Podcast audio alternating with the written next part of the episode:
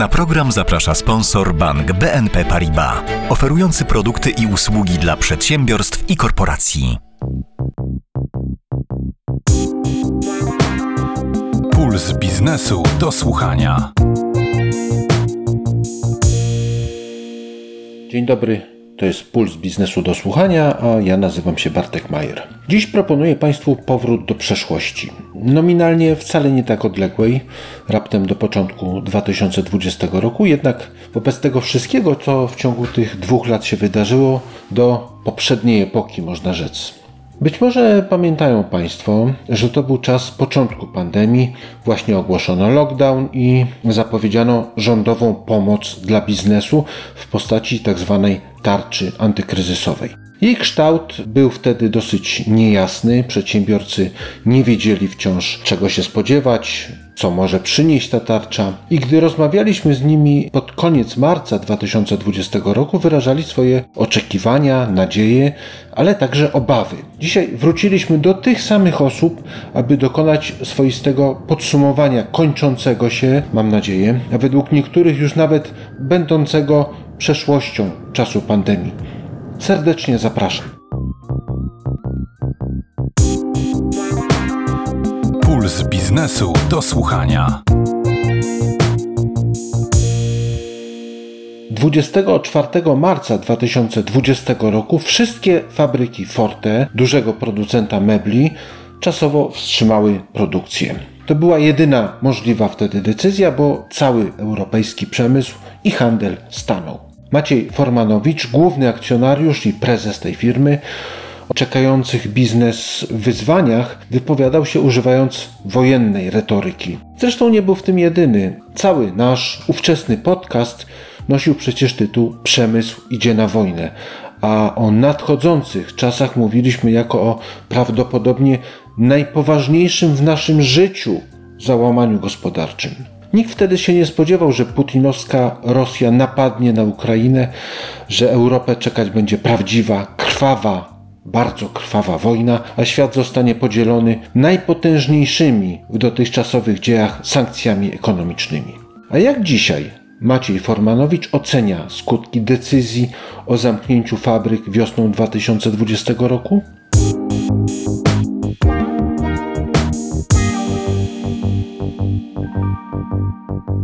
Decyzja o wstrzymaniu produkcji była oczywistym następstwem europejskiego lockdownu.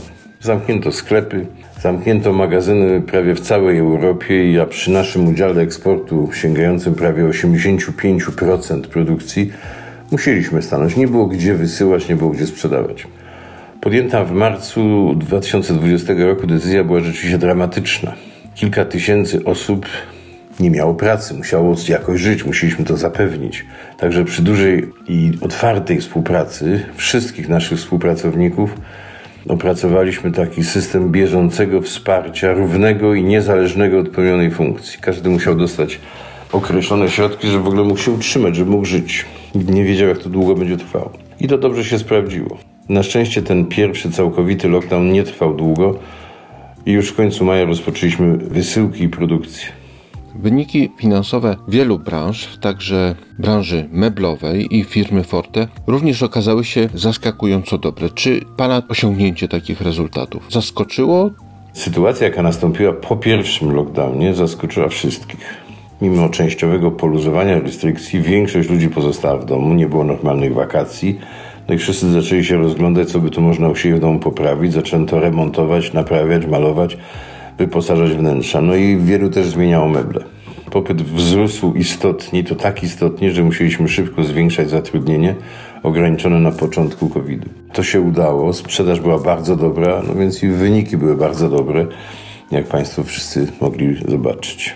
Dwa lata temu rząd zaproponował tarczę Wtedy znaliśmy tylko jej zarys i nie mogliśmy przypuszczać, na czym dokładnie ona będzie polegać. Wkrótce pojawiły się kolejne tarcze. Na ile Forte skorzystało z tego rządowego wsparcia i na ile ono było istotne dla dalszego funkcjonowania firmy? W sytuacji kryzysowej każde wsparcie się liczy. Tak też było i w naszym przypadku.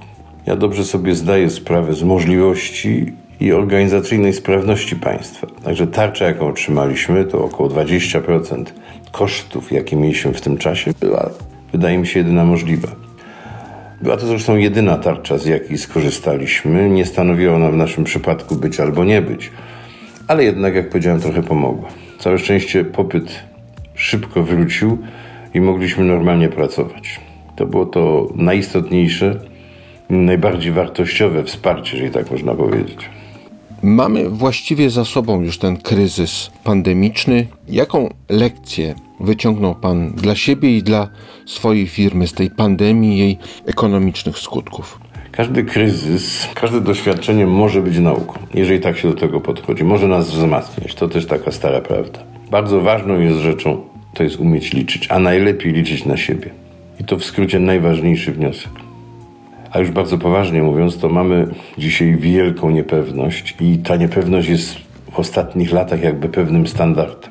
Zmusza nas do zwiększonej, wzmożonej ostrożności w planowaniu, w inwestowaniu. Trzeba być bardzo elastycznym i tworzyć alternatywne scenariusze. Sama pandemia zresztą miała różne oblicza, zupełnie inaczej wyglądała w 2020 roku, a inaczej w 2021.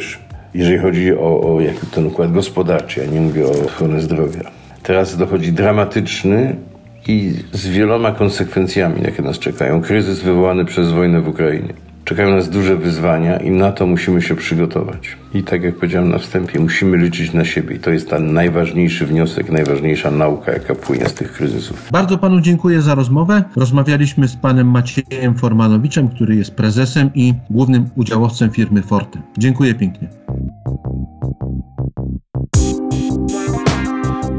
Puls biznesu do słuchania. Marek Moczulski, prezes spożywczej firmy Unitop, niezbyt wysoko oceniał przedłożone w marcu, przypomnę, dwa lata temu, przez rząd pomysły na ochronę gospodarki i biznesu. Miał jednak nadzieję, że ta nadzwyczajna sytuacja, z jaką mieliśmy wtedy do czynienia, będzie okazją do pozbycia się, jak to ujął, administracyjnych bzdur, które szkodzą przedsiębiorcom. Tym razem zapytałem na sam początek naszej rozmowy, czy rządzący wykorzystali, zdaniem Marka Moczulskiego, nadarzającą się okazję i czy ukrócili biurokrację.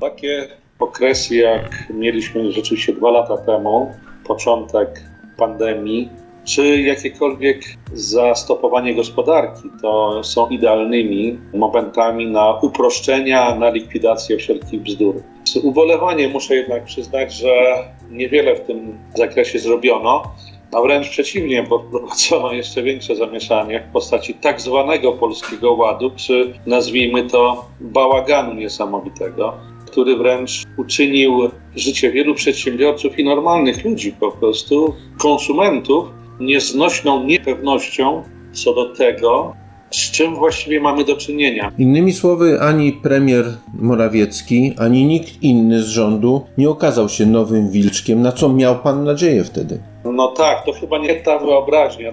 Polska potrzebuje nowego wilczka, bo sytuacja jest naprawdę bardzo ciężka, bo najpierw mieliśmy porwane łańcuchy dostaw spowodowane zagrożeniami pandemicznymi i nieumiejętnymi działaniami wszystkich rządów na świecie w związku z pandemią poprzez lockdowny i tak dalej, drukowanie olbrzymiej ilości pieniędzy. Zresztą okazały się te wszystkie kroki absolutnie bezsensowne, bo one nie zatrzymywały żadnej pandemii, więc skutki psychologiczne, psychiczne tego, co się działo, dopiero nas czekają i to będą skutki straszliwe po prostu. A po inwazji rosyjskiej, chciałem powiedzieć sowieckiej, ale rosyjskiej na Ukrainę, po prostu mamy do czynienia z kolejną falą łamania łańcuchów dostaw to jest niesamowite, co nas czeka dalej. Wróćmy do początku pandemii, do tej pierwszej tarczy, do kolejnych tarcz. Dosyć pesymistycznie pan się wypowiada na temat tego, co się stało. Może jednak są jakieś pozytywy? Mam nadzieję, że są. Ja nie widzę żadnych. Na samym początku nie wiedzieliśmy, z czym mamy do czynienia. Co jest to za wirus, jakie działania należy podjąć, więc działania wzorowane na Chińczykach, którzy zamknęli obszary kompletnie, mogły znaleźć jakieś usprawiedliwienie, jakkolwiek to była jedna z metod przeciwdziałania. Natomiast kontynuacja potem tych wszystkich lockdownów i słuchania nawiedzonych pajaców z różnych dziedzin, bo tak trzeba to nazwać, rzekomych profesorów, którzy mówili, że cmentarze trzeba zamknąć, ale potem demonstracje uliczne kilka dni potem to już nie stanowią zagrożenia, a na cmentarzu to ludzie stanowią zagrożenie. A czy te pieniądze, bo przecież firmy dostały jakieś pieniądze, czy to na utrzymanie miejsc pracy, czy na jakieś inne cele, też były chybionym pomysłem? W pierwszym momencie nie były to chybionym pomysłem, bo nie wiedzieliśmy, co nam grozi. Więc pierwsza ta tarcza też, że ludzie byli zamykani w domach i tak dalej, i tak dalej, oczywiście miało to głęboki sens. Z tym, że później było wiele nadużyć, to każdy zdaje sobie sprawę. Natomiast problem polegał na tym, że później bezsensownie trzymano się tych rozwiązań otwierających, zamykających, Miał Pan nadzieję dwa lata temu na to, że branża spożywcza wyjdzie jednak obronną ręką. Czy to się ziściło? W pewnym sensie tak, ale tylko w pewnym sensie. Dlatego, że ludzie muszą jeść. Mogę tą koszulę dłużej nosić niż powinienem i jakoś przeżyję.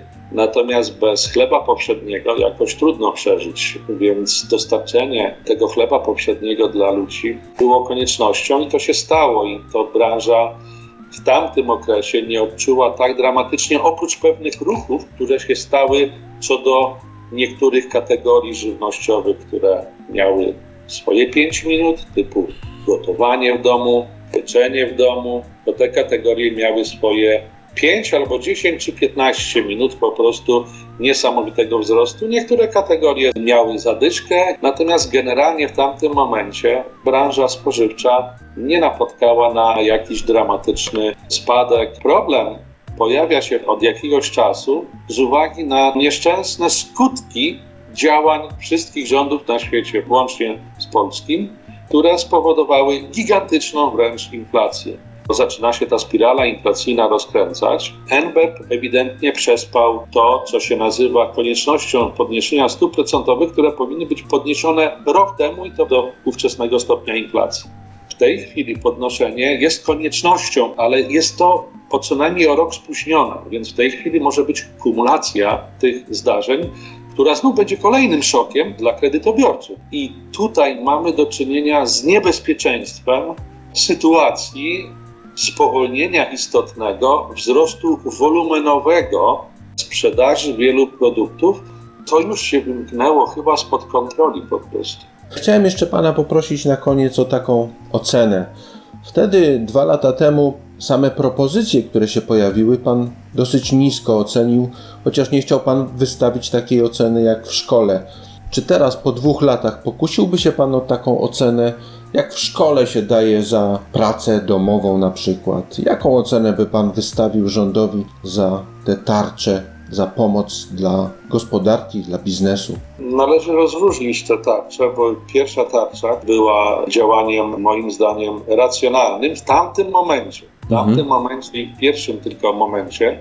Natomiast wydaje mi się, że ocenę bym postawił co najmniej średnią w tamtym momencie. Drugie tarcze to teraz niedawno wprowadzone te zero VAT i tak dalej, tylko tam też mnóstwo było takich rzeczy, które, przykład, jest zerowy VAT na paliwa, autogaz i energię elektryczną. Ale okazało się, że mnóstwo ludzi kilka lat temu, czy kilkanaście, zainwestowało w tak zwany olej opałowy.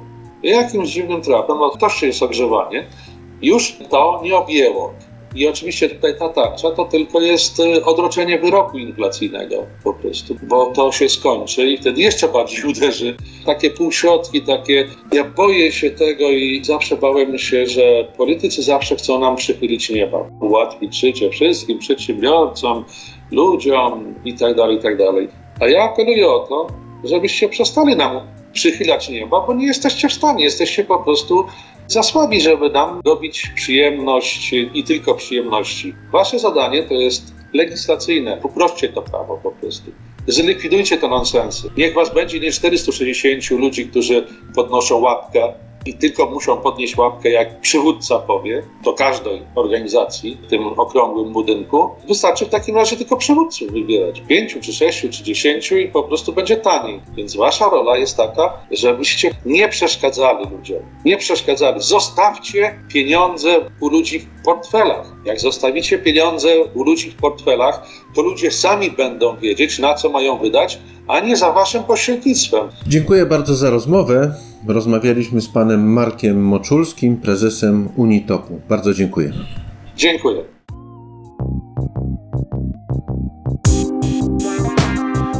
Puls biznesu do słuchania.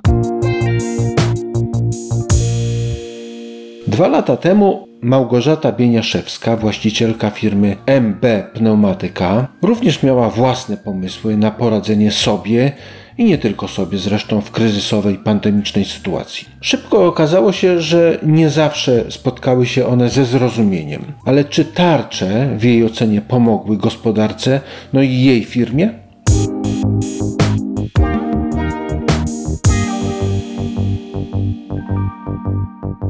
Wie pan, ja mogę powiedzieć, jak one były efektywne w stosunku do mojej firmy. W przypadku MB Pneumatyki faktycznie my dość mocno skorzystaliśmy z tego wsparcia i ono, powiedziałabym, spowodowało, że rok 2020 zamknęliśmy na tak zwanym plusie wynikowo, co nie byłoby na pewno możliwe bez takiej pomocy.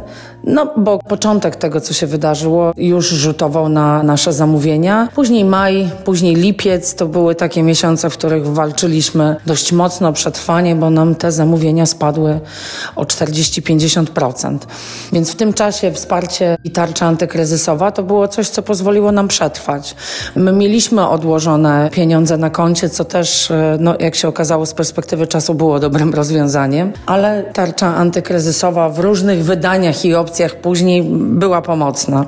Pamięta Pani pewnie, że początkowo, według takiego zamysłu rządowego, ta pomoc należała się przede wszystkim mikro i małym firmom, a średnie i duże były potraktowane troszkę inaczej. Rozumiem, że te postulaty biznesu, przedsiębiorców, żeby rozszerzyć tarczę, zostały w odpowiednim momencie wysłuchane. I tak, i nie. To znaczy, zostały w odpowiednim momencie wysłuchane w tym znaczeniu, że w ostatniej chwili zdążyliśmy z różnymi działaniami, chociażby dofinansowanie wynagrodzeń, które miało miejsce no nie od samego początku, a już ten sam początek po miesiącu dwóch był trudny.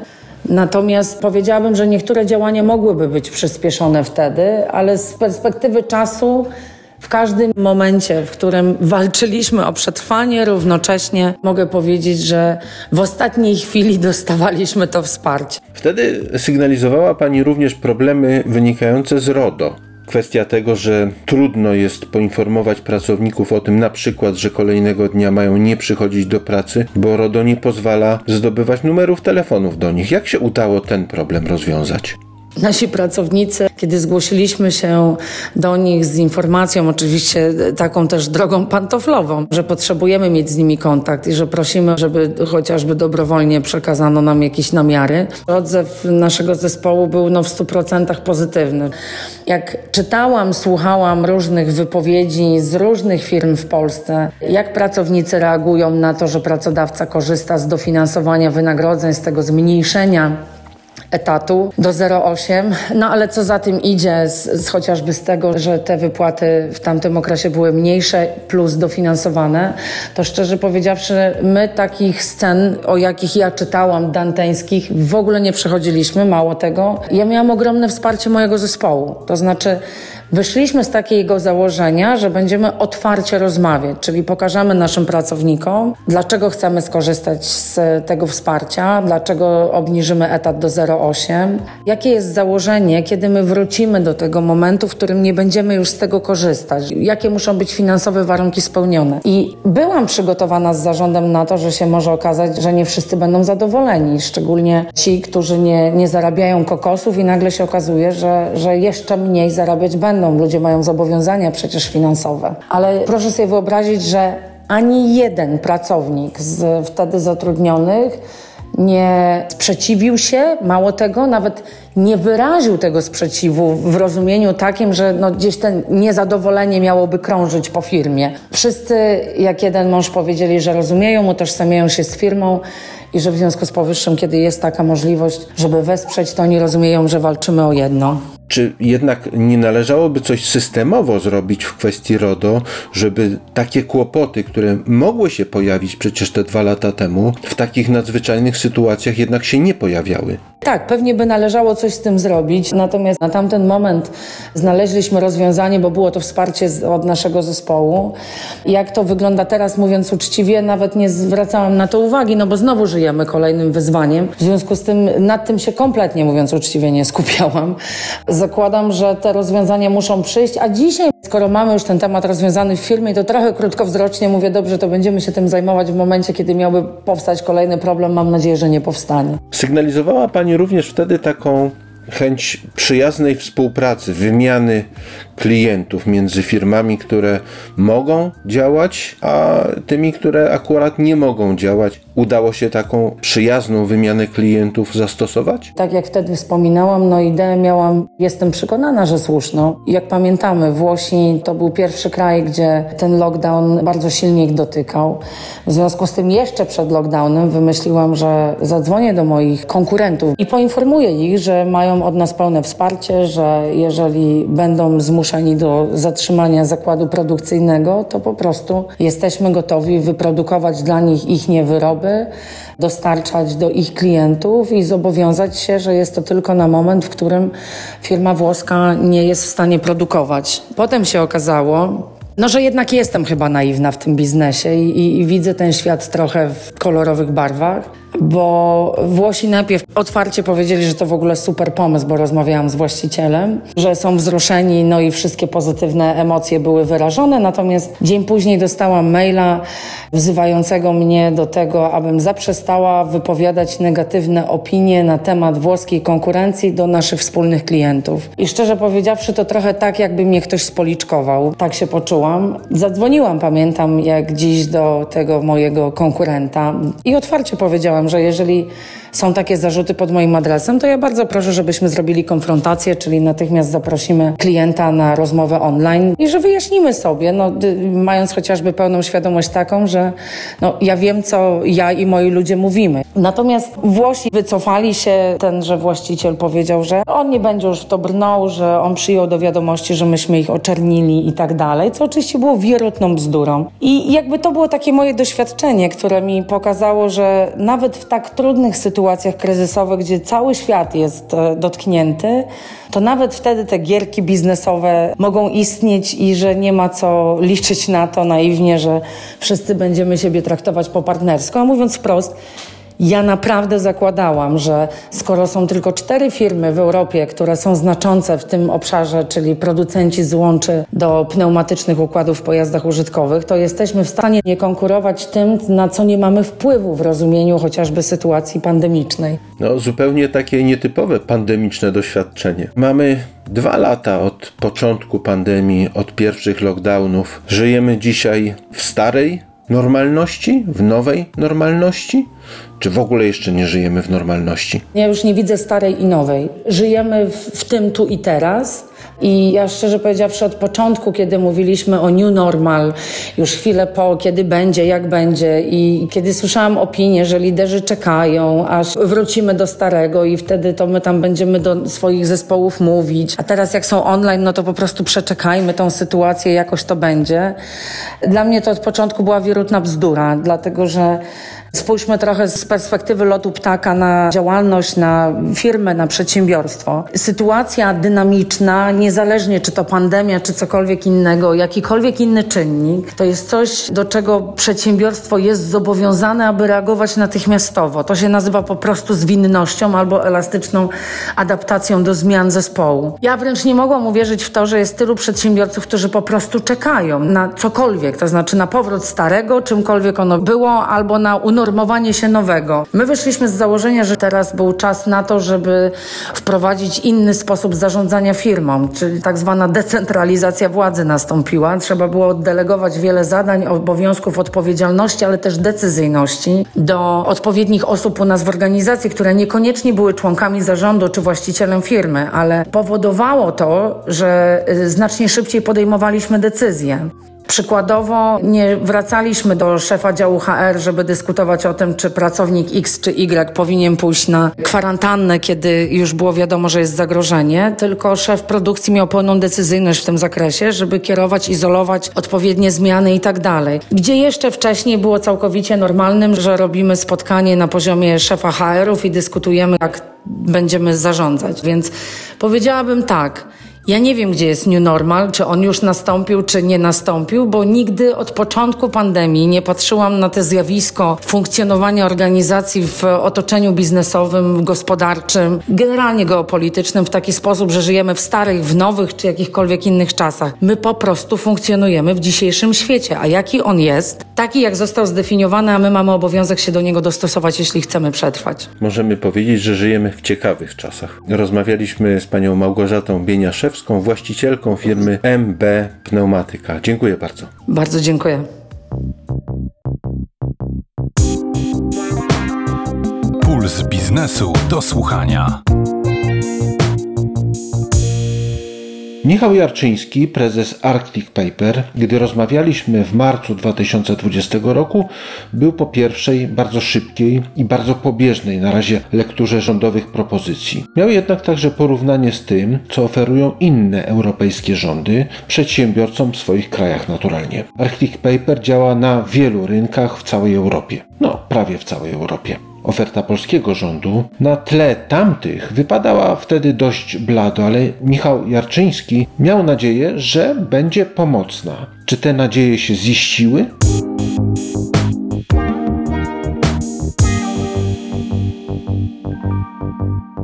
Oczywiście w pewnym stopniu tak, bo w momencie, kiedy przedsiębiorstwa, szczególnie małe i średnie, były tak poszkodowane przez te perturbacje i polskie, ale również europejskie, przez ryzyko przerwania łańcuchów dostaw, konieczna była jakakolwiek pomoc rządu i każde szybkie narzędzie było jak najbardziej na miejscu.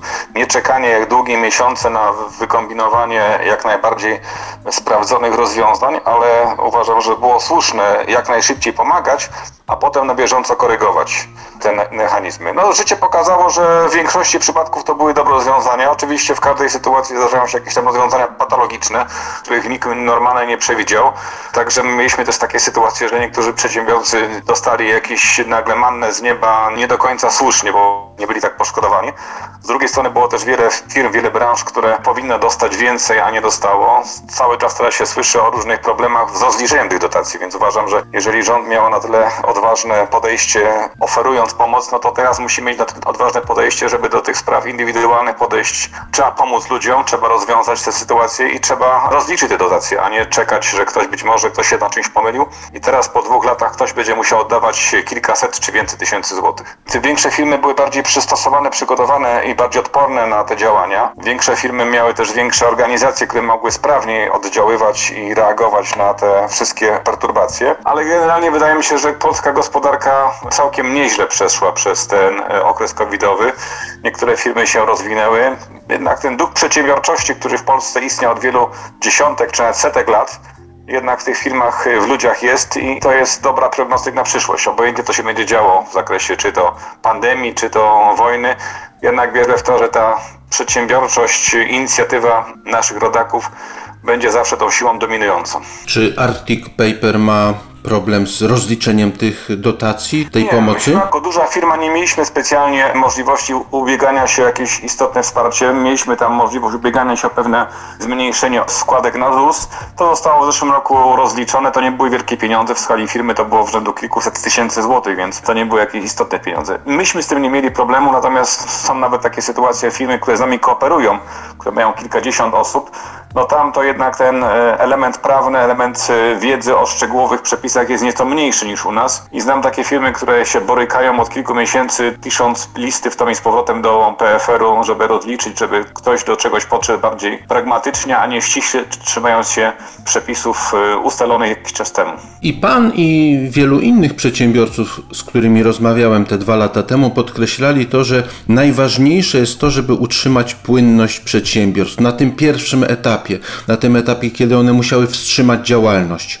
Czy ten element został właściwie wtedy zorganizowany i ta pomoc w utrzymaniu płynności była właściwa? Tak, myślę, że zarówno na szczeblu ogólnopolskim, kiedy te pieniądze były szybko przekazywane poprzez banki komercyjne poszczególnym przedsiębiorstwom, jak i patrząc na swoje podwórko, czyli na to, jak Arctic zadziałał, to była słuszna decyzja, to było słuszne podejście. Rzeczywiście dla każdej firmy najważniejsze utrzymanie płynności finansowej. To jaki w końcu wychodzi wynik finansowy, to jest nic innego jak pewna operacja matematyczna, dodawania, odejmowania pewnych pozycji. Natomiast firma, która może mieć świetnie teoretyczne wyniki, ale nie ma płynności finansowej, niestety ma i będzie miała duże problemy finansowe. Także decyzje, jakie myśmy wówczas podjęli w zakresie ostrzejszego zarządzania zarówno kapitałem obrotowym, jak większej dyscypliny wobec naszych kontrahentów ściągania pieniędzy, przyniosło efekty. Udało nam się również we właściwym momencie, bo to jest bardzo ważne jest e, wziąć pod uwagę to, że Arctic w dobrym momencie dokonał refinansowania. Myśmy zwiększyli swoje linie kredytowe w dobrym momencie i nie mieliśmy problemu z utrzymaniem płynności finansowej w żadnym momencie przez ostatnie dwa lata. Pan jest w tej szczególnej sytuacji, że kieruje Pan firmą, która jest firmą polską, ale także innymi firmami za granicą. Ta pomoc, która była oferowana w Polsce i w innych firmach, szczególnie w Skandynawii, była inna. Jakby zechciał Pan porównać to, co mieli polscy przedsiębiorcy i to, co mieli przedsiębiorcy zagraniczni, chociażby szwedzcy. Mogę porównywać właściwie tylko dane, jeśli chodzi o pewne firmy niemieckie nasze, czy w krajach Półwyspu Iberyjskiego oraz Skandynawii z Polską. To w naszym przypadku dla wielu firm ta pomoc postaci zastrzyku gotówki przekazywana na konto bezpośrednio kilka dni, maksymalnie może kilkanaście dni po złożeniu wniosku poprzez banki komercyjne, to była rzeczywiście duża rzecz i to było bardzo sprytne i sprawne.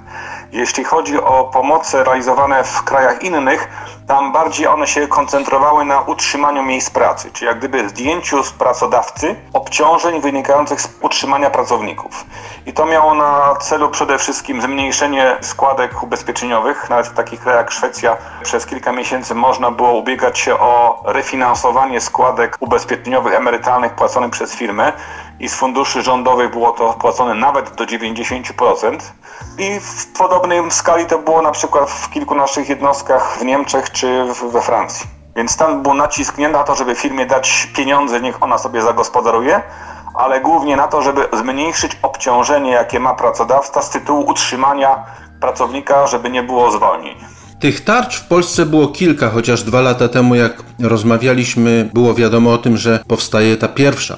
Czy to otoczenie prawne biznesu, jakie mamy w tej chwili, po kilku tarczach, w momencie kiedy pandemia powoli ustępuje, albo jak chcą niektórzy już właściwie ustąpiła, wymaga jeszcze jakichś zmian prawnych, które byłyby Pana zdaniem takim dokończeniem, zwieńczeniem tych tarcz? No wydaje mi się, że w tej chwili polscy przedsiębiorcy oczekują jednej wielkiej tarczy. Tarczy, która ma ochronić przed skutkami Polskiego Ładu. To chyba nie jest do końca pandemia. Zgadza się, natomiast przedsiębiorcy, którym udało się tą pandemię w lepszym czy gorszym stopniu przetrwać, firmę rozwinąć, no trudno działać w firmie, kiedy się nie ma jasnych, stabilnych reguł. To, co zawsze mnie dziwiło, jak porównywałem systemy prawne w Polsce czy w, w Niemczech, ale również w Skandynawii, to jest to, że w tamtych krajach, owszem, długo się pewne zmiany dyskutuje, potem się je wprowadza, ale jest pewna umowa społeczna, że dane rozwiązanie będzie funkcjonować przez kilka, kilkanaście lat. U nas niestety mamy inną sytuację, że chcemy coś szybko wprowadzić, a potem nawet na, na etapie, kiedy ta ustawa już wydrukowana w e, dzienniku ustaw już wymaga nowelizacji, więc ta ciągłość e, zmian w przepisach prawa, ciągłość, e, właściwie brak z pewnej stabilności i to mówimy o prawie podatkowym, prawie energetycznym, jakimkolwiek innym, to jest według mnie największe wyzwanie. Trudno cokolwiek zaplanować. Podejmując decyzje inwestycyjne, nie mówimy o horyzoncie kilku tygodni, ale mówimy w tej chwili o horyzoncie kilkunastu miesięcy albo nawet kilku lat. Czyli decyzje, jeżeli dzisiaj będę chciał wydać pieniądze na coś, coś zbudować, coś stworzyć, chciałbym wiedzieć, że reguły prawne, jakie będą mnie obowiązywać, nie zmienią się w międzyczasie do momentu zbudowania czy oddania inwestycji do eksploatacji, ale również przez co najmniej kilka lat funkcjonowania tego nowego projektu. To inaczej spróbuję poprosić Pana o podsumowanie. Czy w tej chwili otoczenie prawne biznesu jest lepsze czy gorsze niż było przed pandemią? Lepsze w zakresie instrumentów takich szybko pomocowych. To mówiliśmy o tym instrumentach w, w ramach pandemii. Natomiast jeżeli sobie dokładnie analizujemy te rozwiązania prawne wdrożone niestety od 1 stycznia, które miały ułatwić, pomóc, to moim zdaniem zarówno księgowi, właściciele firm, osoby, które odpowiadają, drapią się w głowę i mówią, że to jest totalny chaos. Moim zdaniem w zakresie rozwiązań podatkowych sytuacja na dzisiaj jest znacznie gorsza niż na przykład dwa lata temu. Niech to będzie taka puenta naszej rozmowy. Dziękuję bardzo za rozmowę. Naszym gościem był pan Michał Jarczyński, który jest prezesem Arctic Paper. Dziękuję bardzo. Dziękuję Państwu.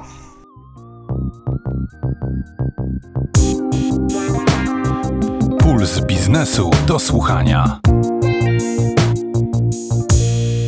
Profesor Adam Mariański, który dwa lata temu był przewodniczącym Krajowej Rady Doradców Podatkowych, również miał spore zastrzeżenia co do rządowych pomysłów. No i on także mówił wtedy, że jesteśmy na wojnie, więc te pomysły powinny być jednak inne. Przypomnijmy jednak, że po tej pierwszej tarczy, o której wtedy rozmawialiśmy, nastąpiły kolejne. Może jako całość ta pomoc przedłożona przez rząd dzisiaj z perspektywy czasu zasługuje na lepszą ocenę niż wtedy?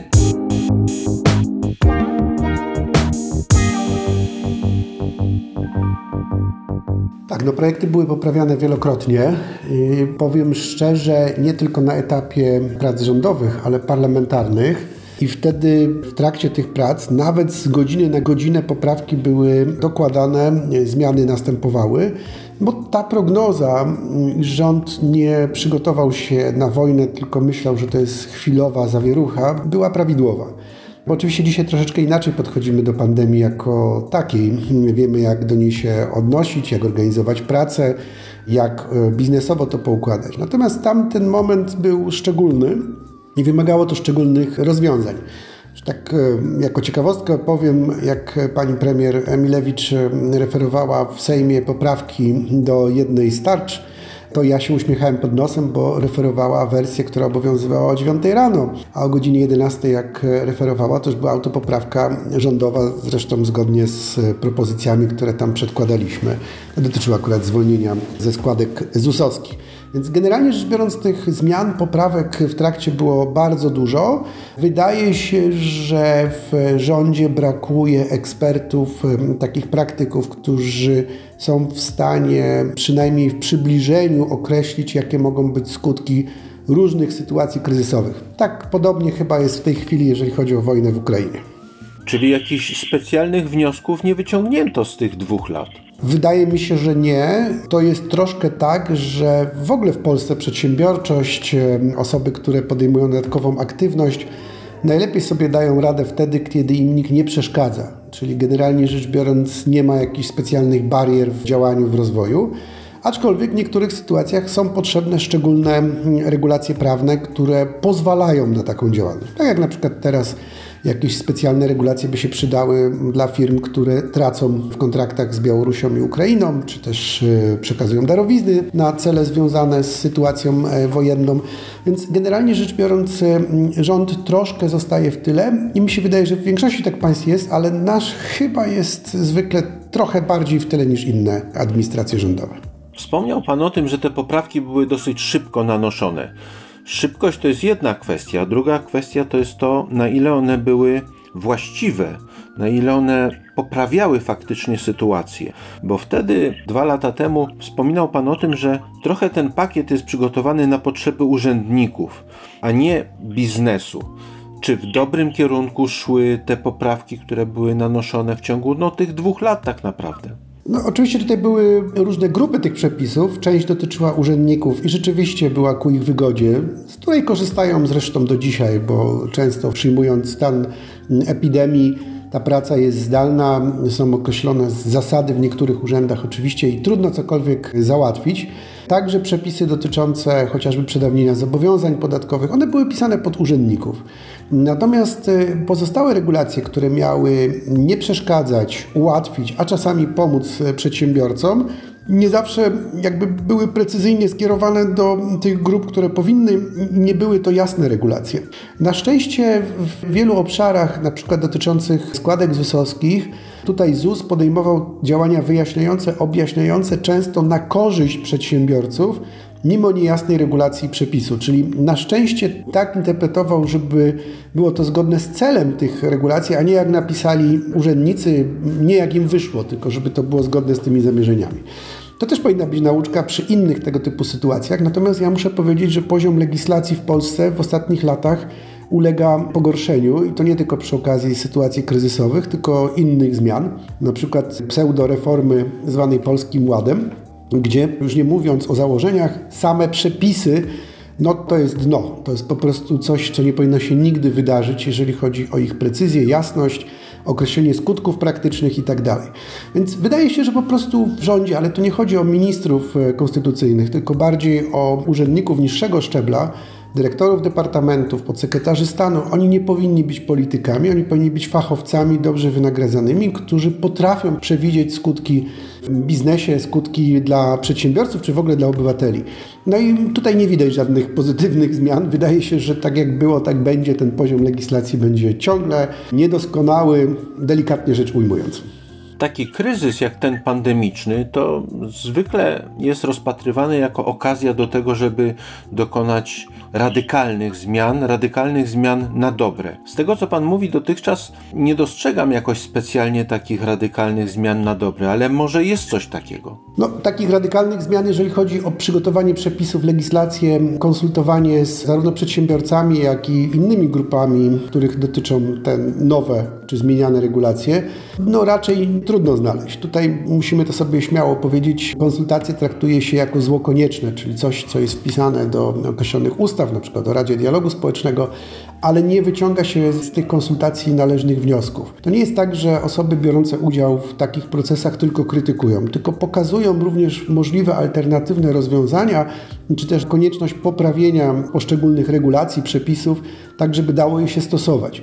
Więc nawet nie tylko o to chodzi, że podwyższamy na przykład podatki, czy wprowadzamy ograniczenia w biznesie, tylko jeżeli to robimy, to powinniśmy to robić w taki sposób, żeby te przepisy były na tyle jasne i czytelne, żebyśmy wiedzieli, jak je stosować. No i tu wydaje się, że jest potrzebna jakaś bardzo zasadnicza zmiana całego procesu legislacyjnego, stworzenia naprawdę bardzo sprawnego, w miarę niezależnego centrum legislacyjnego w rządzie, który będzie mógł przygotowywać projekty, no, na pewno nie takie, jak ostatnio widzieliśmy, gdzie legislatorzy i w Sejmie, i w Senacie piszą, że tych przepisów nie da się poprawić, nie gwarantują, że one są prawidłowe, nie gwarantują, że będą skutki określone w uzasadnieniu do określonego aktu prawnego. W związku z powyższym tu naprawdę potrzebna jest zasadnicza zmiana, bo dla gospodarki na przykład najważniejsza jest stabilność i jasność reguł gry. A nawet nie to, czy mamy pewne ograniczenia, czy mamy jakieś obciążenia podatkowe, tylko one powinny być stabilne. Tak próbując podsumować to wszystko, co Pan powiedział, czy w tej chwili, w porównaniu z tym, co mieliśmy dwa lata temu, otoczenie prawne biznesu, gospodarki jest lepsze czy gorsze? No zdecydowanie gorsze, ponieważ tutaj oprócz tych sytuacji związanych z pandemią pojawiły się różne grupy nowych przepisów, także nakładających ograniczenia, bariery na przedsiębiorców. No i przede wszystkim to wszyscy wiemy, ten chaos związany z polskim nieładem, który teraz jest powoli wycofywany pod hasłem tarcza antyputinowska, bo już nikt słowa polski ładnie używa, to jest pogorszenie sytuacji przedsiębiorców właśnie w kontekście ich możliwości działania, pewności działania. I oczywiście konstytucja biznesu, czyli prawo przedsiębiorców, które zostało uchwalone kilka lat temu, nie do końca funkcjonuje, zwłaszcza jeżeli chodzi o proces legislacyjny. Tak jak powiedziałem, no wydaje wydaje mi się, że tu potrzeba zasadniczej zmiany, jeżeli chcemy wejść na inny level w ogóle rozwoju gospodarczego. Czyli jeżeli chcemy naprawdę gonić te państwa najbardziej rozwinięte, to powinniśmy mieć stabilne, jasne, przejrzyste prawo gospodarcze. Jednym słowem, straciliśmy szansę. Straciliśmy, ale oczywiście tą szansę można zawsze wykorzystać, tylko należałoby podjąć bardzo zasadnicze kroki, żeby to zmienić. Dziękuję pięknie za rozmowę. Rozmawialiśmy z panem profesorem Adamem Mariańskim z kancelarii Mariański Group oraz z BCC. Dziękuję pięknie. Dziękuję bardzo, do usłyszenia.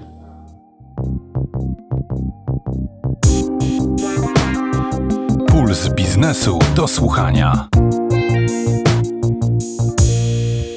Długo zastanawiałem się, jak podsumować dzisiejszy podsumowujący tarcze antykryzysowe podcast. Moi rozmówcy nie piali z zachwytu nad rządową pomocą i jej efektami. Przeciwnie, mieli sporo zastrzeżeń, czasami byli nawet rozgoryczeni zmarnowanymi szansami. Jednak warto tutaj zauważyć, że wszystkie firmy, których menadżerowie i właściciele byli naszymi rozmówcami dzisiaj, wciąż działają i zazwyczaj mają się całkiem nieźle. Inna sprawa, w jakim stopniu to zasługa tych przedsiębiorców, no i oczywiście załóg firm, a w jakim rządowej pomocy. Za tydzień na podcast zaprosi Państwa Małgorzata Grzegorczyk, która ze swoimi gośćmi będzie rozmawiać o wielkim pomaganiu. Pewnie domyślają się już Państwo, w czym rzecz. Wszystkie odcinki Pulsu Biznesu do słuchania znajdą Państwo w aplikacjach podcastowych. Zapraszamy zresztą do tego, żeby dodawać nas do swoich ulubionych. Tyle na dzisiaj. Żegnam się z Państwem. Do widzenia. Bartek Majer. Puls biznesu do słuchania.